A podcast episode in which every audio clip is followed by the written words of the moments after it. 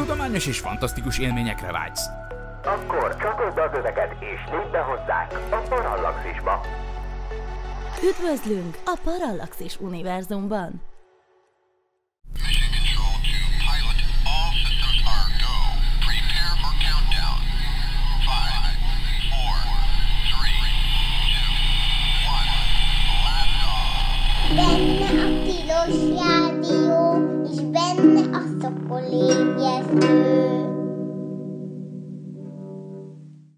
Jó reggelt, jó reggelt kívánok! Ez itt valóban a Tilos Rádió, a 90,3 MHz-es frekvencia modulált sávon, benne pedig a Szokolébresztő című műsor, vagyis az űrös műsor. Az én nevem dr. MZ per X, vagyis Vince Miklós, és az év, a 2024-es év első adásában a legnagyobb örömömre közel sem vagyok egyedül a stúdióban. Amit ebből a hallgatók is érzékelni fognak, az az, hogy velem szemben itt ül a zöld mikrofonnál, vagyis a zöld sarokban maga Szentpéteri László, aki hát univerzális állandónak tekinthető szakértő vendégünk most már, aki visszajár szerencsénkre és legnagyobb örömünkre évente többször is a műsorba. Legutóbb Hát a 2023-as évben szerintem háromszor is jártál itt, abból kétszer egyébként Boros Katalin doktornővel az űrorvostant szakértettük, de általában a másik kedvenc témánk, amiben szerintem országos, sőt, hát regionális szakértő vagy, Mit röhög kész? Már is röhög. Komolyan mondom, ez egy nagyon komoly műsor. Szóval az ázsiai űrprogramok kérdése. És az Ázsia, az, főleg a Kelet-Ázsiára gondolunk ilyenkor, bár néha azért kikacsintgatunk a közén közel-keleti vidékekre. Most éppen Dél-Kelet-Ázsia lesz a fókuszban. Ugye az indiai űrprogramnak a csodálatos most zárt évéről, és a még csodálatosabb potenciálisan még csodálatosabb jövőjéről fogunk beszélgetni elsősorban amely, amelyről aztán tényleg bőven rengeteget lehet beszélgetni. Hát úgyhogy azt is mondanám neked, hogy légy szíves a hallgatók kedvéért, akik esetleg nem követték nap mint nap az indiai űrfejleményeket, elég el nem ítélhető módon. Szóval légy szíves foglald össze, hogy az elmúlt 2023-as évben mi minden történt oda át. Oké, okay. uh, akkor mindenek előtt jó reggelt, és akkor ez neked lehetőséget ad, hogy itt rögtön finom hangold a hangerőmet. Jó reggelt mindenkinek, neked is, köszönöm a meghívást. Uh, valóban Kínáról sokat beszéltünk az elmúlt években tulajdonképpen, elég gyakran azért Japánról is, Indiáról ritkábban, és ha most így plagizálnánk, akkor azt mondhatnánk, hogy 2023-as év az az indiai nagy menetelés volt, vagy hosszú menetelés. Ha most nem dátum szerint szedem sorba, csak ahogy így bekattan, akkor ugye India végrehajtott egy sikeres automatikus leszállást a Holdra. Ezzel nem csak egy nagyon szűk körbe jutott be, hanem ráadásul ők voltak az elsők, akik a déli pólus közelében hajtották ezt végre. Aztán sikeresen végrehajtották a tervezett személyszállító űrhajójuknak az első ilyen abort tesztjét, tehát az emelkedés közbeni megszakítást, ugye egy balisztikus rakéta tesztről van szó, ahol nagy magasságban eljátszották azt, hogy mint a rakéta nem működne rendesen, letépték a kabint, visszahozták a földre. Közben sikeresen fejlesztik azt a hordozórakétát, az LVM-3-at, ami, aminek a hát a human rated, tehát a személyzetes használatra engedélyezett vagy minősített verziója fogja ezt a teherűrhajót vinni. Ezzel voltak mindenféle fékpadi tesztek, ezen kívül egy kisméretű SSLV vagy SSLV nevű hordozórakétát először használtak sikeresen, ez kifejezetten ilyen kisműholdas, alacsony pályás, maximum fél tonnáig terhelhető szerkezet. Aztán, hogy miközben próbálok levegőt venni, elindítottak egy napszondát, ami, hát hogy legyünk frissek, gyakorlatilag a hétvégén érte el az L1-es Lagrange pontot, ahonnan a megfigyeléseit fogja végezni. Elindították az első második generációs indiai navigációs műholdjukat 2023-ban, és tulajdonképpen ami még így hirtelen eszembe jut, az, hogy a többször felhasználhatóra tervezett ilyen mini űrrepülőgépüket, ami hát hasonló az amerikaiakéhoz, illetve a kínaihoz, azt először 2023-ban tesztelték hiperszónikus sebesség mellett, és végül, de nem utolsó sorban úgy indítottuk ezt az évet, ugye január 1-én, hogy a egy indiai röntgencsillagászati műhold állt pályára, amelyik egyébként szintén most hétvégén már el is küldte az első teszt adatot. Hát ez még nem egy ö, ilyen gyönyörű tudományos információ, hanem nyilván az eszközök kalibrálására szolgál. Igen, hát elég hosszú elég, volt elég, ez bevezetőnek. Igen, igen, és ráadásul még azt nem is mondtam, mert hát ez nem Indiához kapcsolódik, hanem az első témához, amit bedobtál, ami az indiai holdszonda volt, ami valóban, miután a szovjet tudomány és technológia sajnos a Luna 25-tel kudarcot vallott, ám de a Chandrayaan űrszonda 5, vagy mennyi? Nem is tudom már nem tudom. Mit, mit, mit Ami kérdezni? leszállt a hold déli sarkára. A? Igen. Három. Három, bocsánat. Szóval a Chandrayaan három leszálló egység sikerrel leszállt a hold déli sarkára, és akkor ide be tudom déli sarka közelébe, elsőként, ahogy mondtad, és akkor ide be lehet szúrni azt a friss hát hírt. A a 70. déli 70. szélességről Így van, így van ami egyébként érdekes, mert ott a déli 70. szélességen már léteznek olyan lejtők, ahol elvileg lehet örök sötétség. Így van. Így van. És ennek megfelelően és olyan hely, ahol valaha majd egyszer lehet holdbázis. Így van. Na most ezért aztán nagyon... Ennyire délen nem volt még semmi. Ennyire délen még soha semmi nem szállt le. Szerintem eddig a legdélebbi leszállás, amit megnéztem, az a Surveyor 7 volt, ami a Tichó kráterben szállt le még a 60-as években. Na és egyébként az a vicc, hogy pontosan a Surveyor 7 óta, ami szerintem 1967-68 környékén ért le a Holdra, azóta amerikai űrszonda nem szállt le a Holdra. Persze ott voltak a csodálatos Apollo küldetések, emberek sétálgattak a Holdon, de az se volt már 1972 óta Óta. soha.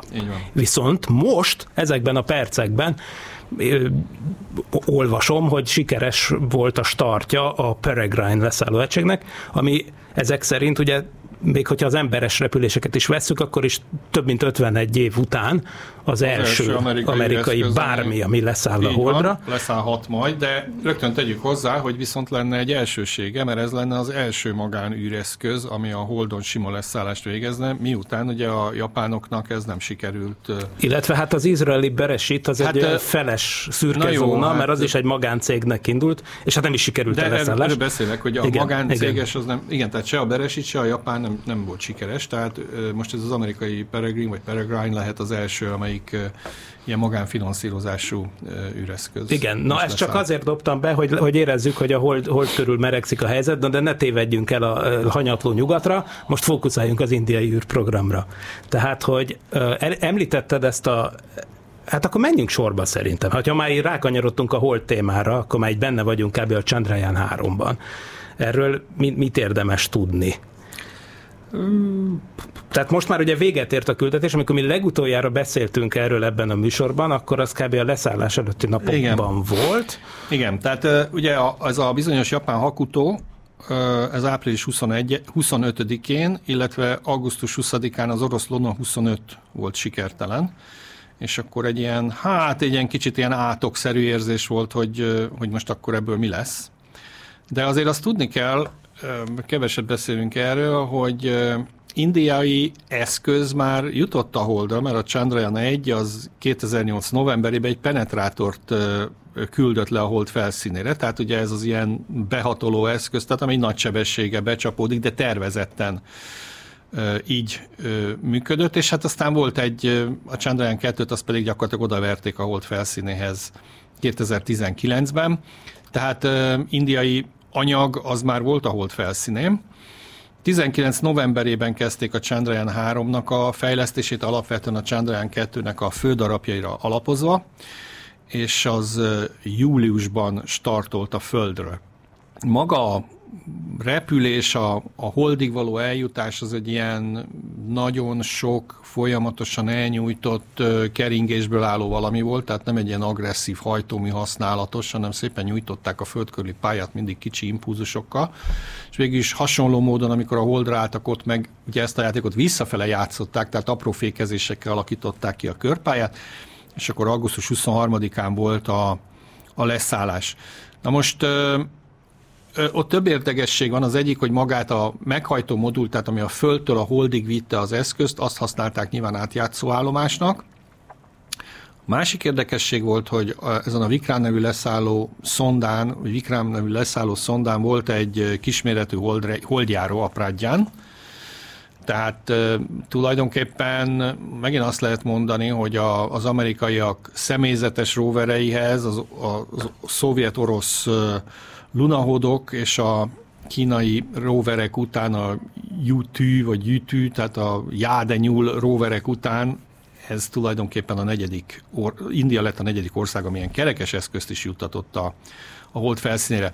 Mind a leszálló szonda, mind a e, rover az egy holdi napra volt tervezve, tehát gyakorlatilag egy kéthetes e, e, földi időszaknak megfelelő működésre, ezt teljesítették is, aztán lehibernálták őket, és aztán abból nem ébredtek föl, de ezzel igazából nem érdemes foglalkozni, mert még egyszer ezt alapvetően technológiai kísérletnek tervezték, meg tudják-e csinálni, le tudnak-e szállni, ki tudnak-e rakni egy rovert, az tud-e ott gurulni, gurult jó néhány métert, krátereket került ki, tehát tulajdonképpen amit terveztek, bejelentetten, azt az egy holdi nap alatt hozzá, teljesítették. Hogy, hogy tegyük hozzá, hogy azért tudományt is végzett. Tehát a Így technológiai van. demonstráción túl Így van. tanultunk valamit a holdanyag összetételéről igen. ezen a területen, meg pedig igen érdekes dolgokat. Szóval igazából rengeteg, rengeteg információ volt. volt. Szám, számomra meg, meg úgy láttam, hogy a, az ottani ö, szakemberek számára a legmeglepőbb az a, az, az volt, hogy a, a hideg, tehát a tehát, hogy a hőmérséklet különbség milyen, milyen drámaian változik a felszín közelébe. Ők csináltak egy ilyen, Hát nem volt egy túl szofisztikált eszköz, képzeljünk el egy ilyen 10-12 centis ilyen, ilyen rudat, amin centiméterenként vannak ilyen pici digitális hőmérők, és ezt képesek voltak ugye beszúrni a talajba, meg így fölemelni. És ezzel gyakorlatilag a talaj felső 10 centiéről, meg a, meg a felszín feletti 10-12 centiméteres rétegről tudtak például a hőmérsékletet mérni, és nagyon brutális, mert én most itt puskázok, nem akarok hülyeséget beszélni, szóval azt mondja, hogy a, a felszín alatti 10 centi legmélyebb és a felszín feletti 15 centi magasságú mérési pontok között 70, 70 Celsius fok volt a különbség. A felszínen ugye plusz 20, minusz, plusz 20, plusz 30-at vártak, és ott plusz 50 volt, magán a felszínen, 10 centi magasan viszont már plusz 60 Celsius fok volt. Nyilván innentől értjük, hogy a napsütésben szállt le. Azon kívül kimutattak a különböző berendezései, és ráadásul itt két típusú berendezésről van szó, tehát két különböző módszerrel alfa részecskékkel, illetve lézeres megvilágítás, vagy hát besugárzás, vagy bombázással is kimutattak ként, alumíniumot, kálciumot, vasat, krómot, titánt.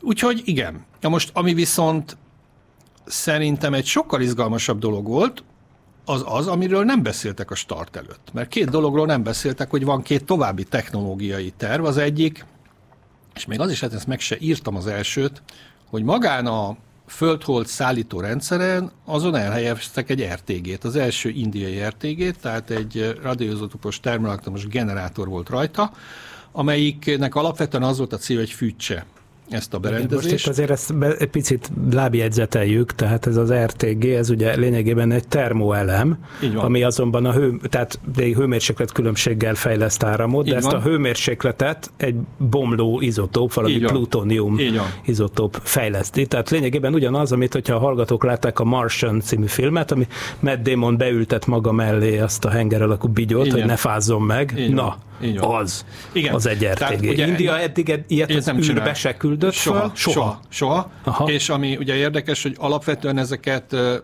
a villanyáron fejlesztésre szokták használni, ugye a nagy távolságú űrszondáknál, Voyager-eken, Pioneerokon volt ilyen, illetve az ALSEP csomagot a Holdon, amit az Apollo űrösök leraktak, azt látta el árammal.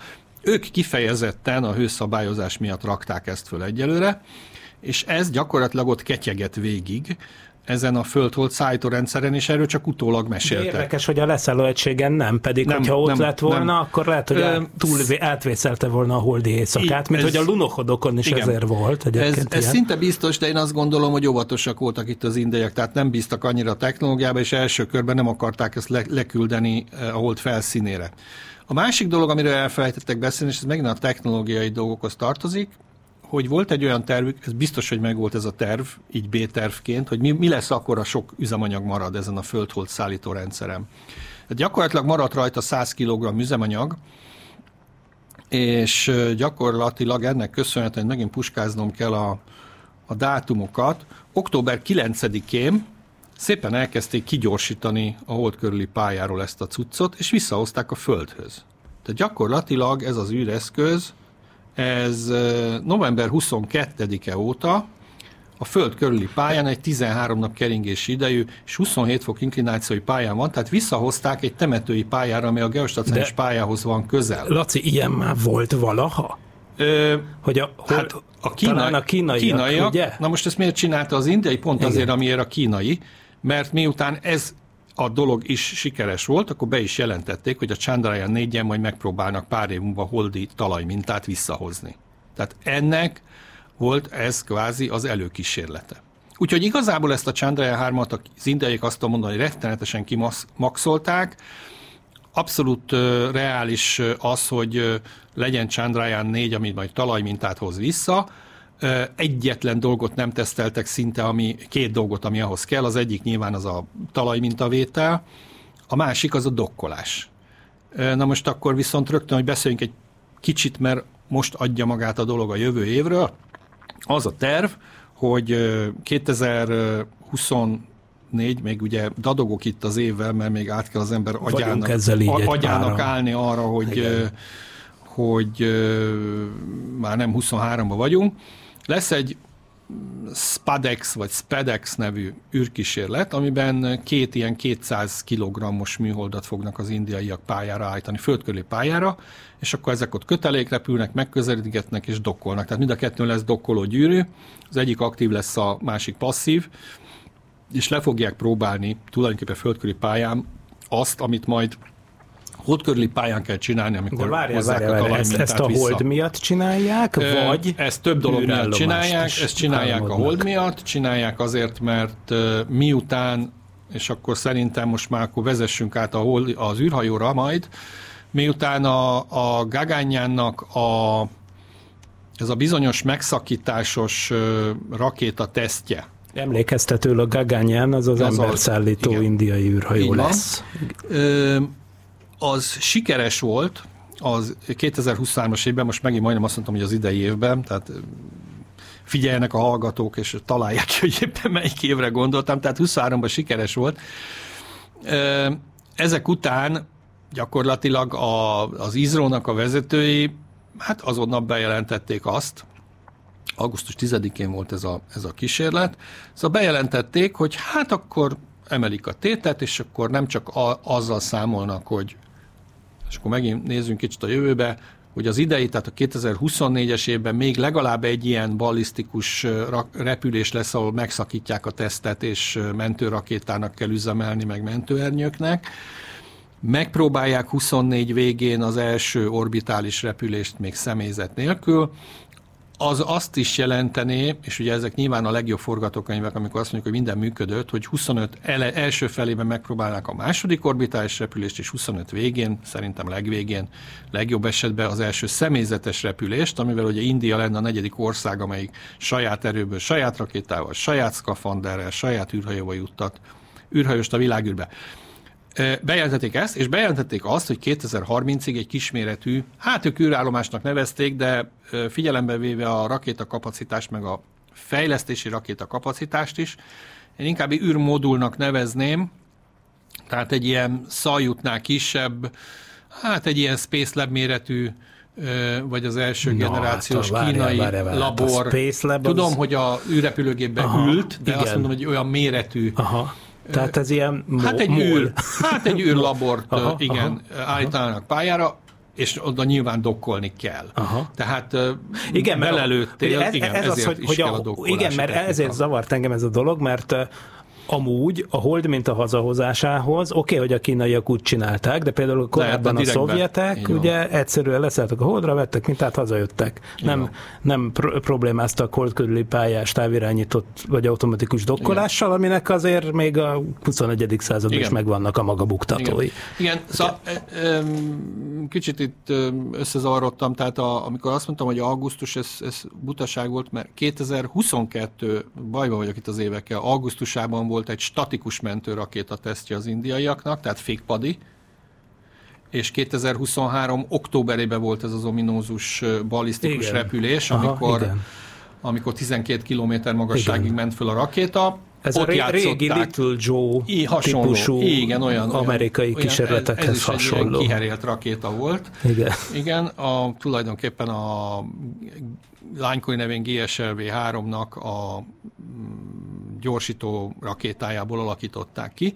Ez 12 kilométerig dolgozott, ott ugye leállították, tehát eljátszották azt, mintha ez meg akarna semmisülni, vagy le akarna térni a pályáról, lerobbantotta, tehát lerántotta a mentőrakéta a kabint, az még utána részben balisztikus pályán emelkedett 17 kilométerig, és onnan ugye hullott lefele, majd 10 kilométeren indult be a, az ejtőernyőnyitási szekvencia.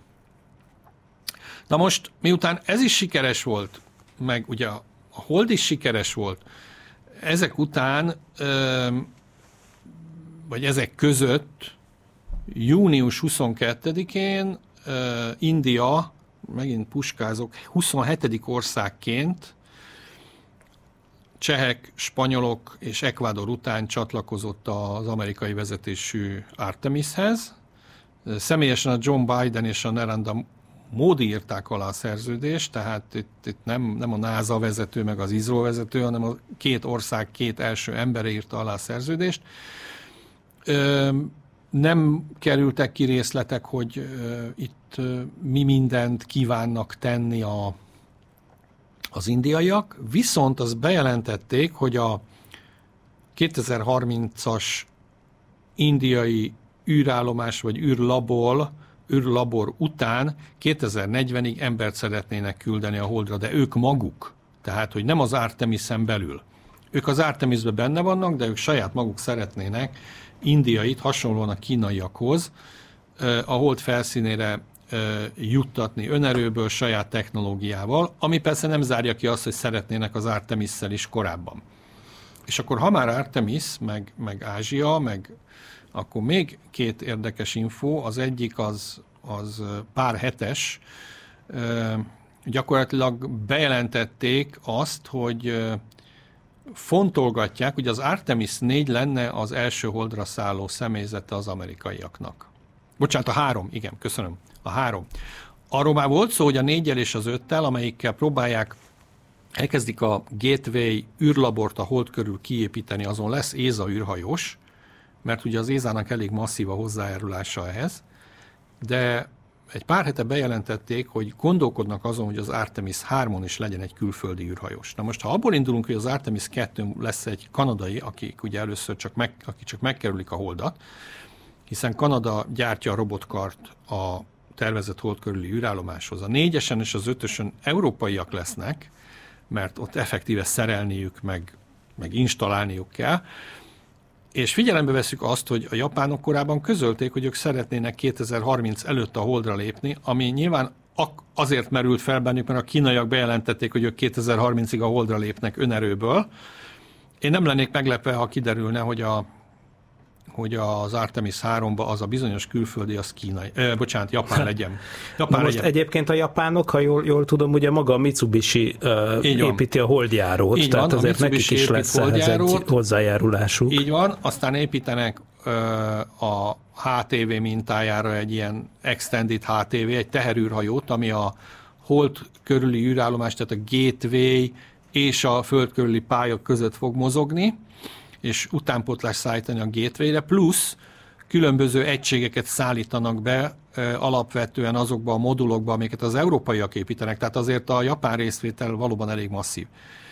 Ami viszont egy teljesen friss hír, mert én ezt tegnap láttam, az az, hogy az a pletyka, amiről talán itt is beszéltünk egyszer az emirátusok kapcsán, hogy ugye a Gateway-ben a, az űrsét a zsilipet, azt az orosz Roszkozmosz építette volna.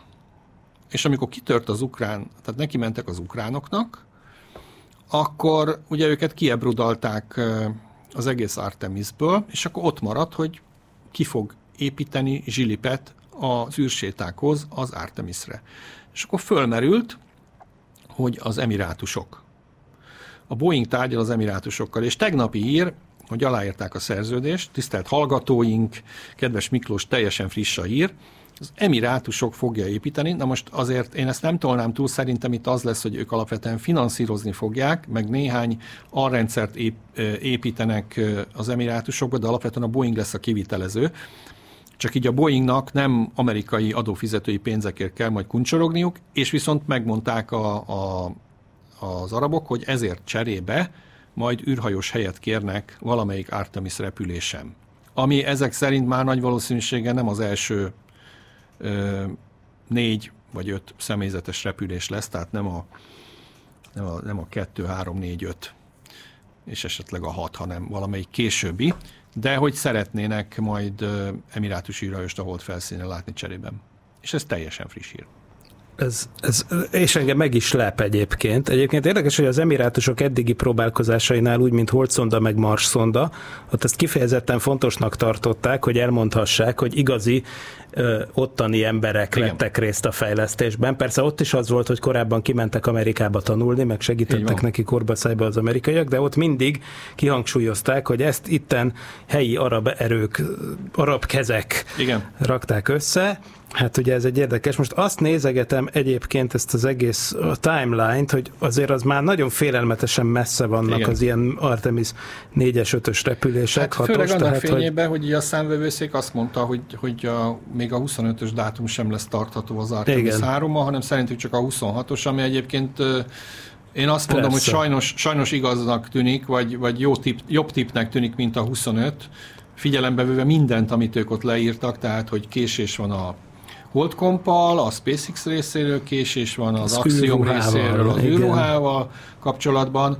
Tehát itt ez az Artemis 6, ez ezt még a, még a nagyon optimista becslések is azt mondják, hogy semmiképp sem lehet hamarabb, mint 2030. szeptemberre, de szerintem erre nyugodtan rátehetünk két-három évet, ahogy ezek itt jelenleg állnak ezek a dolgok. Tehát itt általában olyan...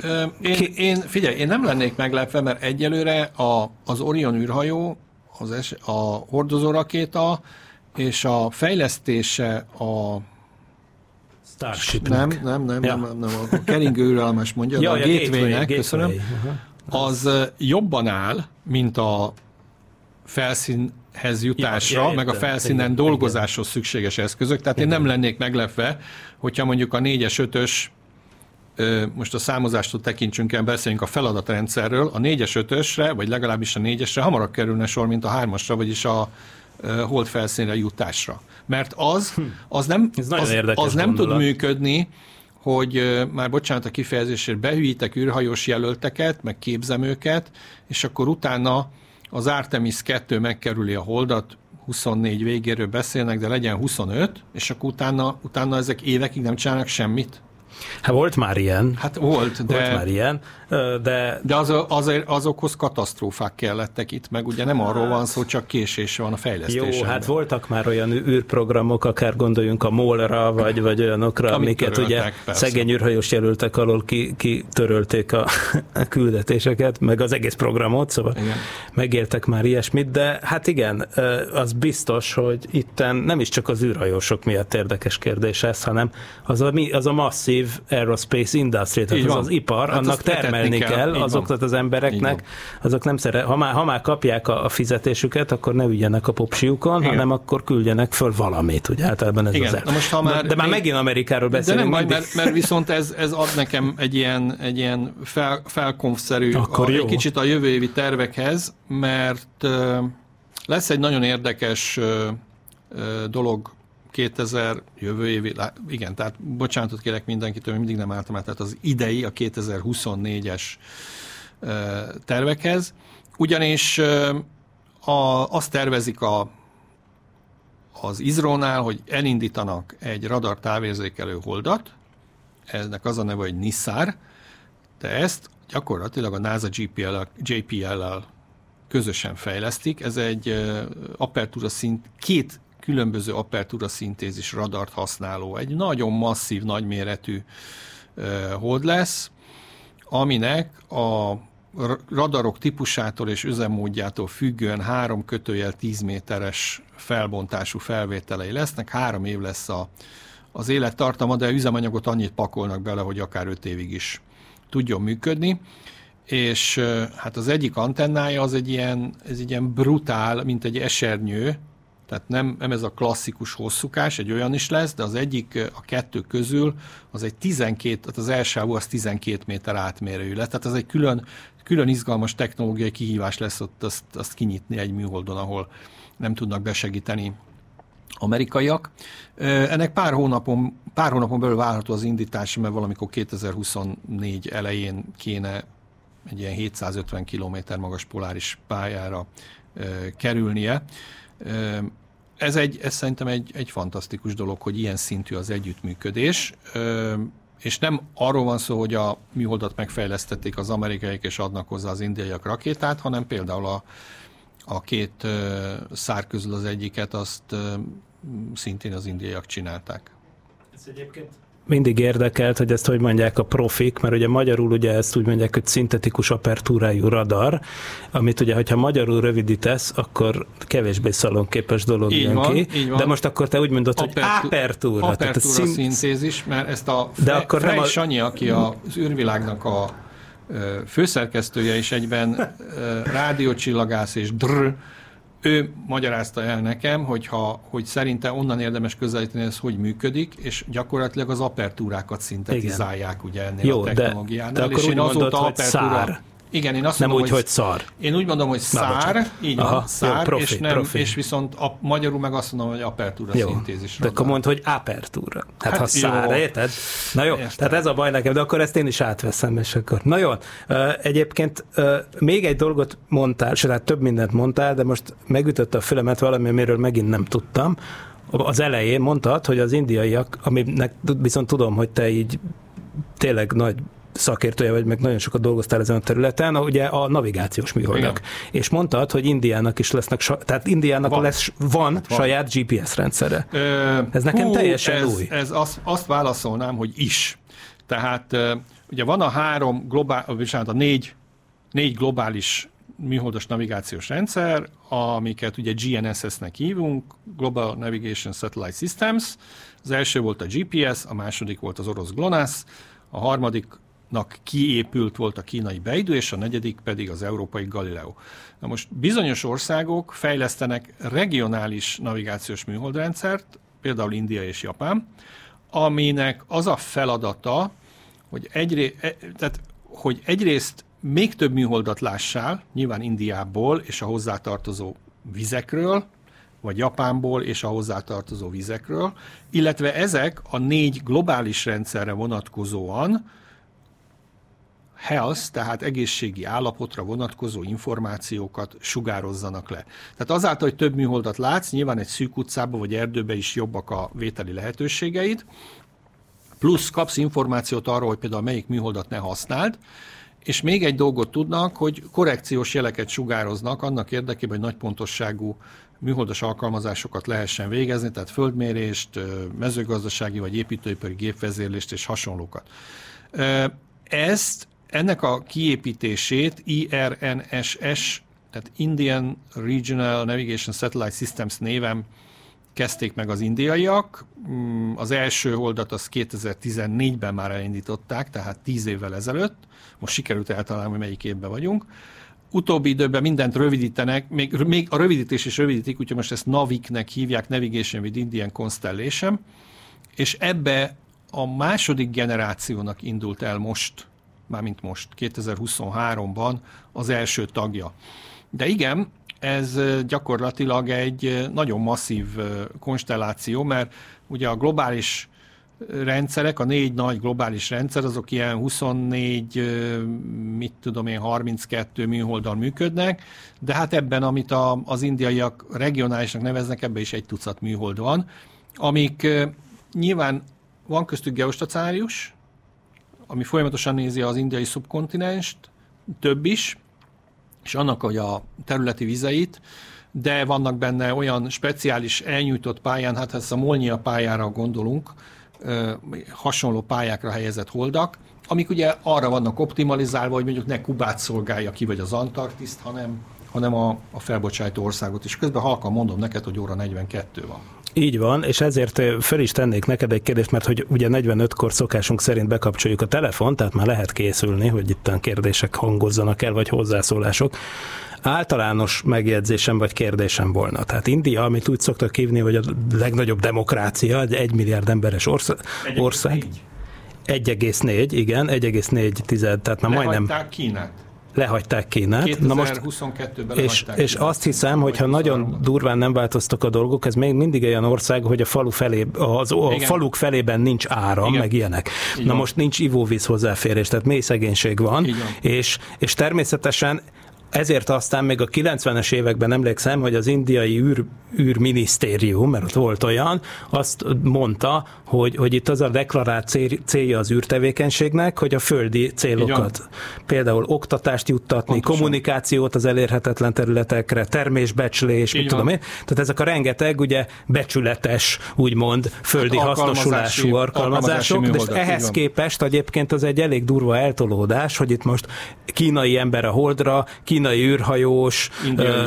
Uh, bocs, igen. de, de igen. Értem. De, de ért, szóval egy igen. nagyon durva hangsúlyeltolódás van. E, nyilván Itt egy... mi, mi ez? Vagy hogy, hogy lehet ezt egy ez, demokráciában keresztül nyomni? Igen, e, tulajdonképpen ez elég látványos a módi kormányzattal vált, és azt gondolom, hogy a, a kínai menetelés váltotta ki. Tehát, tehát az ezt világosan látni kell, hogy, hogy Kína és India között van egy folyamatos regionális konfliktus, egy egymásnak feszülés. Kína ugye támogatja Pakisztánt, amelyik irgalmatlan ellensége Indiának, itt fegyverbeszerzésektől kezdve politikai lépéseken keresztül mindenben lehet gondolkodni, és van egy verseny, és egyszerűen miután azokat a technológiákat, amikről beszélsz, ezeket a műholdakat és a hozzájuk tartozó földi szegmenseket, ezeket a, az indiaiak valóban az elmúlt 50 évben már megcsinálták, tehát igen, a szegény távoli iskolában is van műholdas kapcsolat, és, és távoktatási program a tanyára, navigációs műholdrendszer, amiket most már halászok fognak használni, nehogy ott tudom területi vizeket sértsenek ők egyszer most azt mondták, tovább lépnek. De igazából ezen azért ne csodálkozunk, mert ezt a kérdést mondjuk 20 évvel ezelőtt a kínaiak kapcsán is feltehetted volna, hiszen ott is úgy indult, hogy alkalmazási és katonai műholdak, és slusz. Föl sem, hát többször fölmerült, hogy legyen személyzetes Igen, program. de az akkor sem volt demokrácia. De, így van, de az, az nem volt demokrácia, igen. de mindig törölték ezeket. Nyilván Kína is úgy érezte, és India is most úgy érzi, hogy egy regionális és hosszú távon nyilván globálisra tervezett hogy mondják, nagyhatalmi célnak ez is része, hogy demonstrálja azt, hogy ő erre képes. Jó, tehát akkor azt mondod, hogy az átlag rajasztáni csóró adófizetőnek, szegénynek nem nyílik ki a zsebében a kis bicska, azt én nem tudom, amikor hogy a... azt látja, hogy, hogy embert akarunk küldeni Jó, az űrbe, miközben... Nézd, biztos, hogy kinyílik, mert azt gondolom, hogy sokaknak Magyarországon a Hunortól is kinyílik a bicska a zsebébe, pedig ugye a legtöbb magyar nem úgy él, mint az átlag rajasztáni.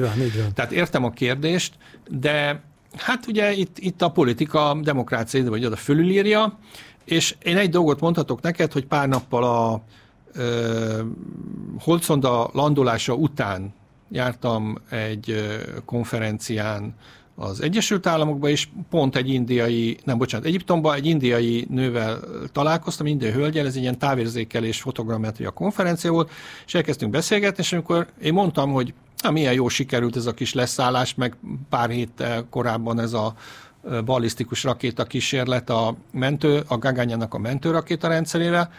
Ez iszonyatosan büszke voltam. Tehát először meglepődött, hogy én ezt tudom, és aztán mondta, hogy igen, és, és, és gyakorlatilag mondtam, hogy ugyanezt kérdeztem, amit te, hogy hogy viszonyul ehhez a, a, az átlag indiai, és Nyilván arra a szinten nem mentünk le, hogy a Rajasztáni adófizető, de mondta, hogy hát a, a sajtó tele van vele, és büszkék, és, a, és most a gyerekek között mindenki STEM-et akar tanulni. Na, hát ez viszont óriási. És ez, ez, ez szerintem azért erről lehet szó. Tehát azért tényleg itt nyugaton is indiaiakkal vannak tele a legjobb egyetemek, ez nem véletlen.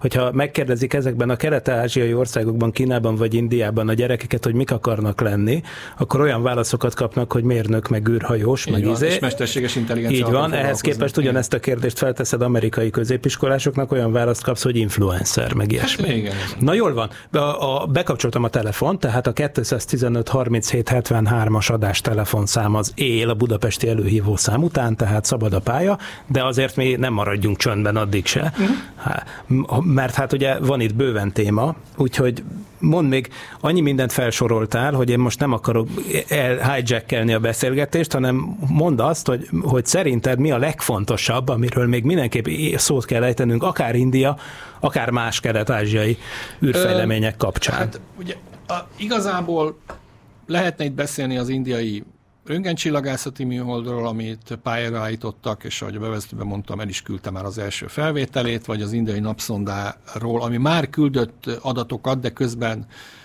hétvégén elérte a végleges pozíciót. De szerintem, ha egy kicsit így jobban ki akarunk tekinteni, akkor, akkor látszik egy olyan trend is, hogy, hogy Kína is és India is India is elkezdte fejleszteni a többször felhasználható technológiákat. Ugye Kína pár éve már alkalmaz egy kisméretű ilyen mini űrrepülőgépet, teljesen egyértelmű, hogy katonai feladatokra, mert semmit nem mutatnak róla, semmit nem beszélnek róla.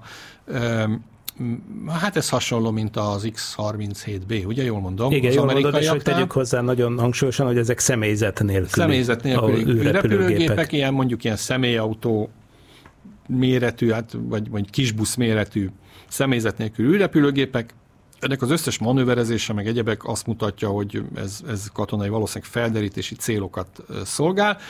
Most egy ilyet uh, India is elkezdett fejleszteni, és uh, hát ezt 2016 óta ott volt az első talán látványos lépés, amikor egy ejtőernyő, tehát ledobták így helikopterről, és akkor így lesiklott, de 23-ban végrehajtotta az első hiperszónikus repülést, amiből akarnak még néhányat az idei, tehát a 24-es évben, mielőtt pályára állítják. Bocs, De megint lábjegyzetelés a hiperszónikus alatt mit értünk, hogy a hangsebességnek mondjuk hát, a tízszeresénél hát gyorsabb, vagy valami ilyesmi? Aha, igen, ja, értem, oké, oké. Okay, okay. Igen, igen.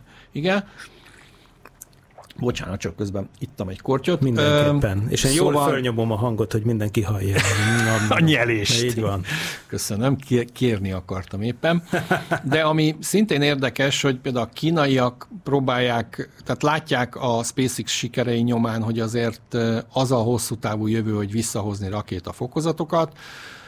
Ott egy magánvállalat fejleszt Tulajdonképpen ezzel most egy magánvállalatára legelőrébb, akik itt ilyen ugrásokat, most már sugárhajtóműves, függőleges ugrásokat végeztek egy kisebb méretű rakétával, ami azért elég nagy ahhoz, hogy nem mondjuk azt, hogy ra- rakéta modell, illetve a hosszú menetelés rakétáknak a gyorsító fokozatait fejleszti maga a kínai nemzeti ipar, ha így tetszik, amik vissza tudnának jönni hasonló módon mint, mint ahogy ezt a SpaceX csinálja például a falkonokkal. Tehát, hogy lábra leszáll. Az első ilyen az a hosszú menetelés 8 lenne. Viszont még egy érdekes dolog van, és ez, ez így nagyon kínai megoldás, hogy szintén 23-ban volt egy olyan rakétaindítás, talán egy hosszú menetelés hármasnak a, a gyorsító rakétáit ejtőernyővel kezdték el visszahozni, és akkor ugye az ember azt gondolna, hogy aha, majd akkor mint hogy vízre hozzák, mint az amerikaiak az űrrepülőgépekét, és akkor jó, kitakarítják, azt újra felhasználják. Na nem, ez egy ilyen fél mentés. Itt egyszerűen arról van szó, hogy bizonyos starthelyei Kínának nagyon közel vannak lakott területekhez, és ugye időről időre ezek a rakéták úgy odaverik magukat valami falu szélén a rizsföldre, és egyszerűen azt szeretnék elérni, hogy manőverező, tehát ugye átlagemberi szóhasználat ez a paplanejtőernyő, ami ugye képes valamilyen szintű manőverezésre. Szóval, hogy manőverező képessé tegyék a visszatérő fokozatokat, és mondjuk a dzsindzsásba küldjék be őket, vagy a, vagy a vízbe, de ne a, ne a faluba. Tehát egy ilyen fejlesztés is folyik, erről mindenképpen érdemes beszélni. A másik, és nem tudom, nézek rád, mert már 51 van, az pedig egy olyan trend, hogy ugye nagyon begerjedtek az észak-koreaiak, ugye hosszú ideje fejlesztenek nukleáris fegyvereket, balisztikus rakétákat, tehát látszik egy ilyen regionális kémműhold verseny, vagy hát kémműhold, ugye ez a bulvár, tehát felderítő műhold verseny. 23-ban Észak-Korea elindította, sikeresen pályára az első katonai felderítő műholdját, a Malingyong 1-et. Azt nem tudjuk, hogy egyébként ez úgy normálisan működik-e.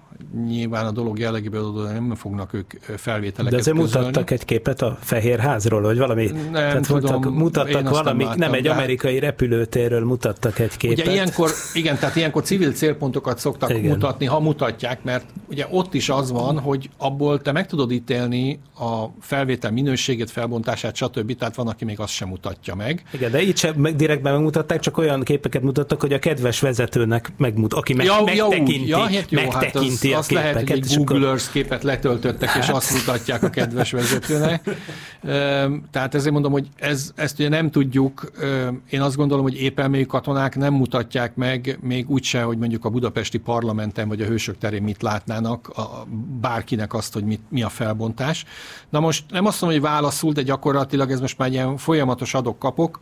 23-ban ugye Dél-Korea is elindított egy katonai felderítő műholdat, amire válaszul pár napra a, a rövidkarú ked, kínai, kínai, észak-koreai kedves vezető azt közölte, hogy 24-ben, tehát az idei évben akár három katonai felderítő műholdat is fog indítani Észak-Korea, és hát akkor ugye ide tartozó hír, hogy gyakorlatilag a japánok is most éppen elindították a most már jó ideje létező katonai felderítő műhold sorozatuknak eh, egy újabb darabját.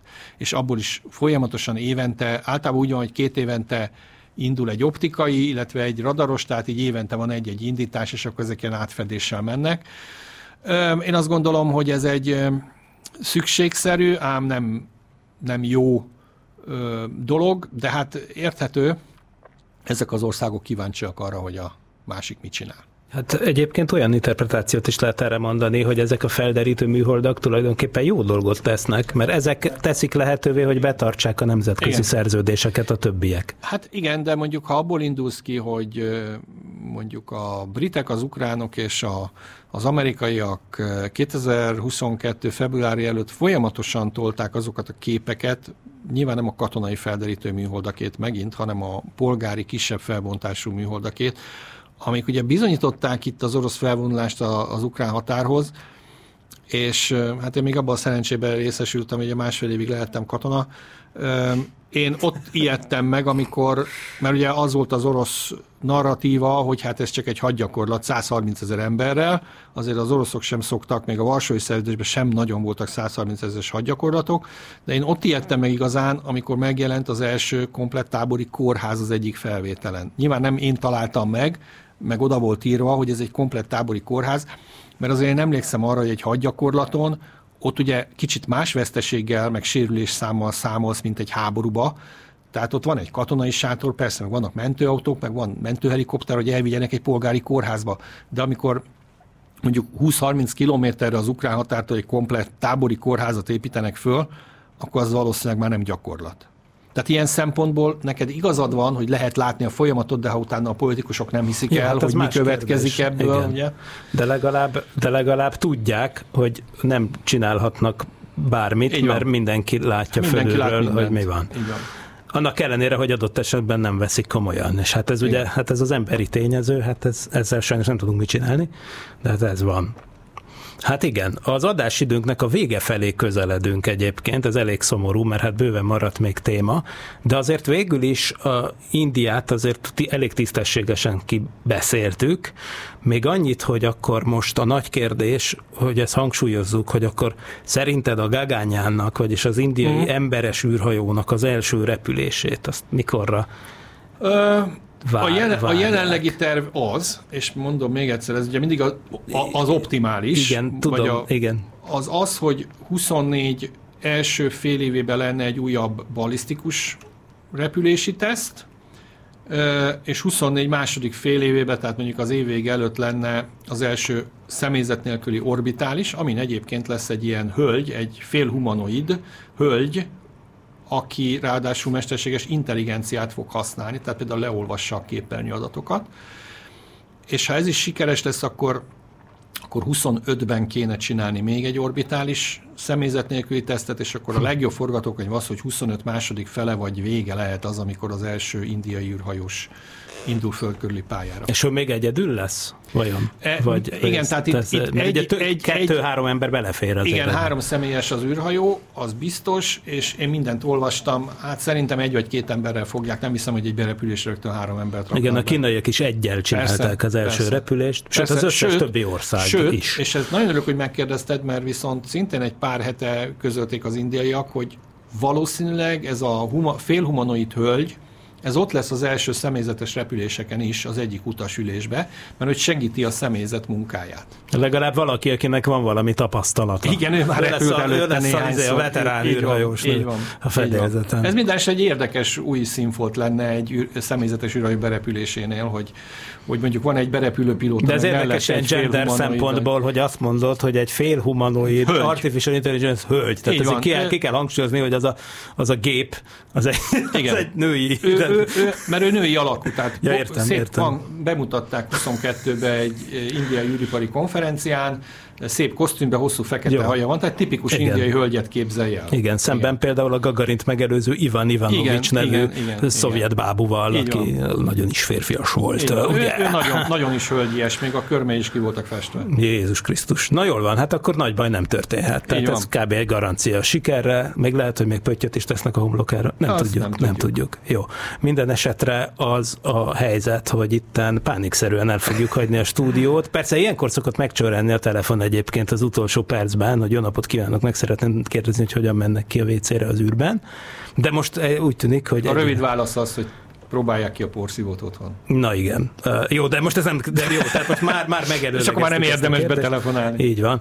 Na, hát köszönöm szépen tehát Szentpéteri Lászlónak, az űrvilág.hu alapító főszerkesztőjének és rendszeres szerzőjének mind a mai napig, akinek a cikk sorozatát, amiből időről időre rendszeresen beszámol az ázsiai űrfejleményekről az említett portálon. minden hónap elején Minden hónap elején, ázsiai űrhírek, vagy micsoda, hát ez Á, csak Hát ö, azt hiszem mozaik. Mozaik, ázsiai valami ilyesmi, valami- igen. De a lényeg az, hogy Szentpéteri László neve garancia arra, hogy ott nem össze-vissza lehet olvasni mindenféle ilyen légből kapott híreket, ami Igen, egy, ott a dátumok meg a ott- méterek stimmelnek. ott stimmelnek a dolgok. Na, mint és szóba. i- igen, igen. Ja, persze, de most nem, kérem, hát az élőadás az ilyen. Na, de nagyon jó volt egyébként, és nagyon informatív. Én rengeteget tanultam. Köszönöm szépen tehát a figyelmet. A kedves hallgatók ezt az adást is visszahallgathatják, persze, meg az összes többi korábbit, hogy ez a jubileumi 175. a- 175. adás volt, ezt azért mondjuk el így az utolsó utáni pillanatban. Köszönöm, hogy részt vettem. Így van, és hát sokolebresztó.hu oldal felől közelítve elérhető a Parallaxisnak az összes olyan felülete, ahol vissza lehet majd hallgatni ezeket. Sőt, ez egy olyan különleges adás lesz, hogy még vissza is lehet a terveink szerint nézni, mert először itt a stúdióban jelenlevő kollégák kamerával rögzítették. Hát nézzük meg, mi lesz majd ebből. Minden esetre mindenkit szeretettel várunk. Kettő hét múlva, amikor újra jelentkezik a szokolébresztő, most pedig mindjárt azonnal befejezzük a műsort. Köszönjük szépen a figyelmet, jó napot és jó hetet kívánok mindenkinek. Szentpéteri Lászlónak még egyszer nagyon köszönöm a részvételt, egy élmény volt. A viszontlátásra, Viszontlátásra. és viszont hallásra, vagy micsoda. Sziasztok! Hello. Nem volt elég a tudományból és a fantasztikumból? Olvasd a parallaxis.emtv.hu-t, lájkold a Facebook oldalunkat, nézd a YouTube csatornánkat, és hallgassd a Szokolébresztőt a Tilos Rádióban. Hamarosan jön a következő rész.